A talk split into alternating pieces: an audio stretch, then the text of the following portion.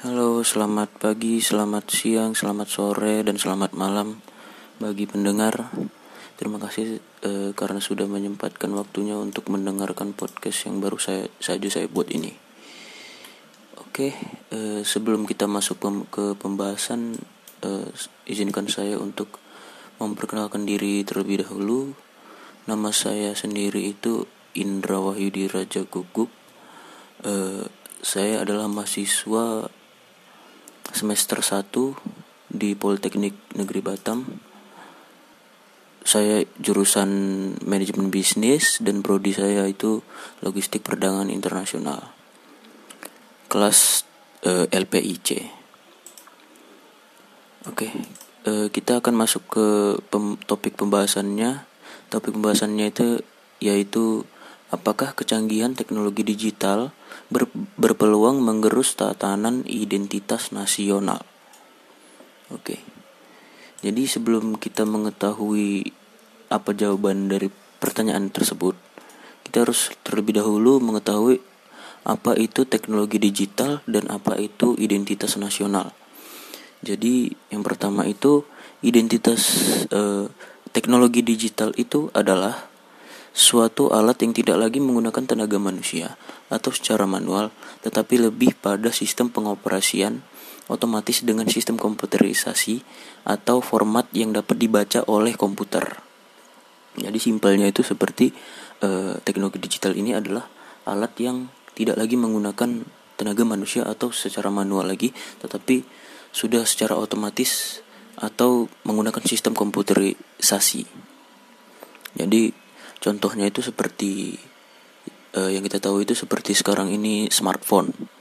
Smartphone yang dulunya itu kita uh, berkomunikasi dengan cara surat menyurat. Sekarang kita uh, sudah mempermudah uh, sudah dipermudah dengan adanya teknologi digital yaitu berupa smartphone. Dan kita bisa uh, berkomunikasi dengan jarak yang jauh sekalipun dan contoh kedua itu adalah internet. Jadi yang dulunya kita mendapatkan informasi itu dengan uh, apa yang dibicarakan oleh orang secara langsung di sini kita dengan internet ini kita sudah bisa mencari sendiri apa uh, apa sih yang ada di luar sana gitu.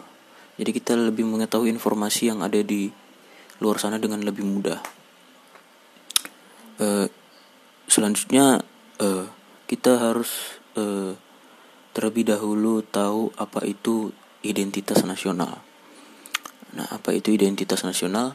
Identitas nasional itu adalah sesuatu ciri, suatu ciri yang dimiliki suatu bangsa secara fisiologi yang membedakan bangsa tersebut dengan bangsa lainnya. Simpelnya, uh, uh, ciri uh, pembeda suatu bangsa daripada bangsa yang lain. Simpelnya seperti itu. Contohnya e, seperti di Indonesia e, ada bahasa Indonesia. Itu yang membedakan antara bangsa Indonesia dengan bangsa lainnya. Juga ada budaya-budayanya. Budaya-budaya yang ada di Indonesia seperti e, tradisinya, bahasa e, tradisinya e, apa? E, alat musiknya uh, terus ada dan lain-lainnya lah. Pokoknya itu uh, budaya itu menjadi pembeda dari bangsa Indonesia ataupun uh, dengan bangsa yang lain. Nah itulah yang disebut dengan identitas nasional. Terus adapun uh, dampak dari e, dari kita akan menjawab tentang apakah kecanggihan teknologi digital berpeluang menggerus tatanan identitas nasional.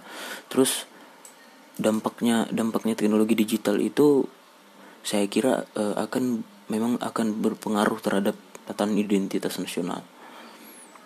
Seperti yang kita tahu, e, teknologi ini dapat teknologi ini secara negatif dapat menghilangkan budaya di Indonesia seperti tarian musik, bahasa makanan dan lain-lainnya. Dia akan dapat uh, menggerus tatanan identitas yang ada di uh, Indonesia sendiri. Nah, jadi uh, apakah teknologi digital ini berpeluang menggerus tatanan identitas nasional? Jawabannya ya, sangat ber, uh, berpeluang untuk menggerus tatanan identitas nasional yang ada di Indonesia. Jadi uh, uh, adapun uh, bukan berarti uh, kita tidak bisa lagi me, uh, apa kita tidak bisa mempertahankan uh, tatanan identitas nasional ini. Adapun solusi-solusinya, uh, walaupun dengan ada kecanggihan teknologi digital yang ada di Indonesia, adapun solusi-solusinya, yang pertama itu uh, kita harus memang harus tetap menggunakan produk-produk yang ada di dalam negeri kita sendiri. Dengan uh, dengan kita menggunakan produk dalam negeri kan, otomatis kita uh, era-era uh, globalisasi yang ada di dalam kecanggihan teknologi digital itu uh, tidak akan menggerus tatanan identitas nasional, tidak akan merusak tatanan yang ada di internet, yang ada di identitas yang ada di Indonesia. Terus yang kedua itu mengenalkan budaya sejak dini. Jadi uh, untuk uh, misalnya uh, anak-anak yang uh, sudah mulai menggunakan uh, kecanggihan teknologi digital tersebut uh, sebaiknya dikenalkan budaya sejak dini agar uh, agar setidaknya mereka tahulah atas adanya budaya Indonesia in, tersebut. Terus uh, dan yang ketiga itu mengenalkan budaya dengan sosmed. Nah, walaupun kecanggihan teknologi ini memang bisa menggerus tatanan identitas nasional, bukan berarti ini akan teknologi digital ini akan terus uh, berpengaruh buruk terhadap identitas nasional. Uh, contohnya seperti kita mengenal mengenalkan budaya dengan sosial media. Contohnya kita mengupload video-video tentang budaya-budaya Indonesia, mengupload tentang tarian-tarian yang ada di Indonesia. Jadi orang itu uh, uh, akan lebih lebih tahu akan identitas nasional yang ada di Indonesia. Nah, solusi-solusinya berikut adalah solusi-solusi yang saya bisa uh, sebutkan. Sebenarnya masih banyak solusi-solusi lainnya, cuman ketiga itulah yang bisa saya ucap uh, bisa saya berikan. Nah, adapun kesimpulannya, jadi kesimpulannya itu uh, Memang dibutuhkan kerjasama antara pemerintah dan masyarakat dalam mempertahankan identitas nasional ini, identitas nasional yang ada di Indonesia. Walaupun memang eh, di tengah eh, zaman sekarang ini kecanggihan teknologi digital itu berkembang sangat pesat.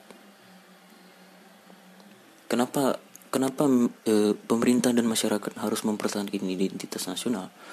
karena bisa saja budaya-budaya di Indonesia ini akan hilang jadi identitas nasional itu tidak akan lagi tidak ada uh, tidak akan ada lagi di Indonesia ataupun bahkan bisa uh, identitas nasional tersebut atau budaya kita itu akan bisa dicuri oleh oleh negara lain.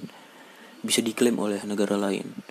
Uh, misalnya contohnya tuh dulu pernah uh, Malaysia itu uh, dulu pernah uh, mengklaim bahwa batik itu berasal dari negara mereka, padahal kan itu berasal dari negara Indonesia.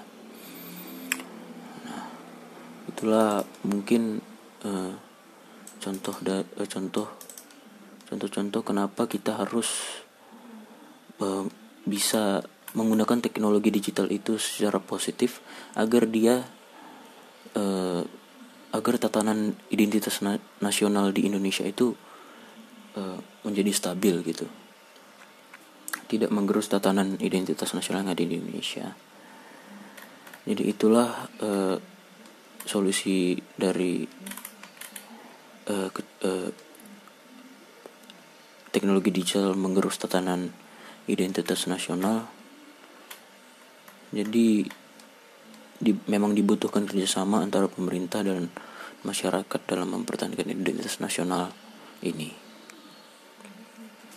Jadi uh, segi, uh, sekian dari penjelasan saya. Mungkin memang banyak kesalahan-kesalahan dalam pengucapan saya. Dan juga uh, mungkin ada kesalahan-kesalahan dalam pembahasan saya ini. Karena uh, saya mendapatkan informasi-informasi ini dari internet yang saya baca dan semoga ini bisa uh, membuka mata membuka membuka bantah hati bagi para pendengar agar tidak mengabaikan tentang adanya identitas nasional di Indonesia ini. Ya, sekian dari saya. Terima kasih. Mungkin banyak kesalahan yang saya ucapkan. Mohon dimaafkan. Ya, terima kasih. Sekian dari saya.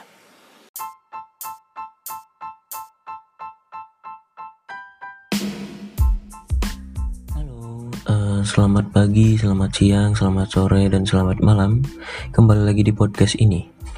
Nah, jadi topik pembahasan kita kali ini adalah integrasi nasional yang berfokus kepada pendekatan strategi integrasi nasional.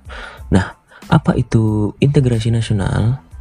E, pengertian integrasi integrasi nasional itu sendiri adalah penyatuan atau pembaruan suatu bangsa sehingga menjadi satu kesatuan yang utuh. Nah, integrasi nasional ini juga mempunyai dua pengertian dasar, yakni integrasi dan nasional. Menurut Kamus Besar Bangsa Indonesia atau KBBI, integrasi adalah pembauran sampai menjadi satu kesatuan yang bulat dan utuh. Adapun kata nasionalnya yang berarti bangsa. Integrasi nasional merupakan upaya penyatuan berbagai perbedaan seperti kelompok budaya dan kelompok suku dalam suatu wilayah sehingga membentuk satu kesatuan. Nah, jadi kita akan uh, berfokus kepada pendekatan strategi integra integrasi nasional. Nah, pendekatan strategi integrasi nasional uh, terdapat lima pendekatan, yaitu yang pertama itu adanya ancaman dari luar, yang kedua gaya politik kepemimpinan, yang ketiga kekuatan lembaga-lembaga politik, yang keempat ideologi nasional, yang kelima kesempatan pembangunan ekonomi. Jadi kita akan membahasnya satu persatu ya. Uh, yang pertama, adanya ancaman dari luar. Nah, apakah adanya ancaman dari luar ini berpengaruh pada integrasi nasional. Ancaman dari luar sangat berpengaruh pada integrasi nasional karena ancaman dari luar dapat menimbulkan rasa ingin mempertahankan suatu bangsa dikarenakan perasaan senasib atau seperjuangan. Nah, contohnya itu eh, seperti pada saat masa penjajahan, di mana warga Indonesia ini bersatu untuk merdeka karena dilandasi keinginan yang sama tanpa memperdulikan suku, agama, ras, dan golongan. Terus yang kedua, uh, gaya politik kepemimpinan. Nah, apakah gaya politik kepemimpinan ini berpengaruh pada integrasi nasional? Gaya politik kepemimpinan sangat berpengaruh pada integrasi nasional karena seperti yang kita tahu, di negara Indonesia tanpa ada pemimpin negara dapat dengan mudah terpecah belah atau disintegrasi Contohnya seperti Presiden Jokowi yang mengupayakan pembangunan yang merata sehingga masyarakat pun tersatukan. Nah, itulah mengapa gaya politik kepemimpinan ini sangat berpengaruh pada integrasi nasional. Nah, yang ketiga, eh, kekuatan lembaga-lembaga politik. Nah, apakah kekuatan lembaga-lembaga politik ini berpengaruh pada integrasi nasional? Menurut saya tentu sangat berpengaruh karena dengan adanya lembaga-lembaga politik di suatu bangsa dapat mengarahkan masyarakat untuk tetap bersatu. Contohnya itu seperti uh, lembaga politik yang melaksanakan pelayanan-pelayanan pokok sosial seperti memenuhi kebutuhan pokok masyarakat seperti pangan, sandang, tempat tinggal, pendidikan, kesehatan dan lain-lainnya. Ini akan mempersatukan masyarakat Indonesia tentunya. Itulah mengapa kekuatan-kekuatan lembaga-lembaga politik ini berpengaruh pada integrasi nasional. Nah, yang keempat, ada ideologi nasional. Nah, apakah ideologi nasional ini berpengaruh pada integrasi nasional? Seperti yang kita tahu, uh, ideologi yang kita pakai di negara Indonesia ini kan Pancasila. Uh, ideologi ini memang dimaksudkan untuk mengumpulkan, mempersatukan, dan menggerakkan masyarakat secara politis maupun ideologis. Pancasila berfungsi juga untuk sebagai acuan bersama dalam memecahkan perbedaan serta pertentangan politik di antara golongan dan kekuatan politik yang ada. Nah, yang kelima itu kesempatan pembangunan ekonomi. Nah, apakah kesempatan pembangunan ekonomi ini dapat berpengaruh juga pada integrasi nasional? Menurut saya, kesempatan pembangunan ekonomi akan dapat menimbulkan integrasi nasional jika dapat dilakukan secara merata di, setiap daerahnya. Dan akan dapat menimbulkan rasa persatuan di masyarakat karena tidak adanya kesenjangan ekonomi dalam masyarakat. Nah, berikut adalah mengapa kelima pendekatan ini sangat berpengaruh pada integrasi nasional.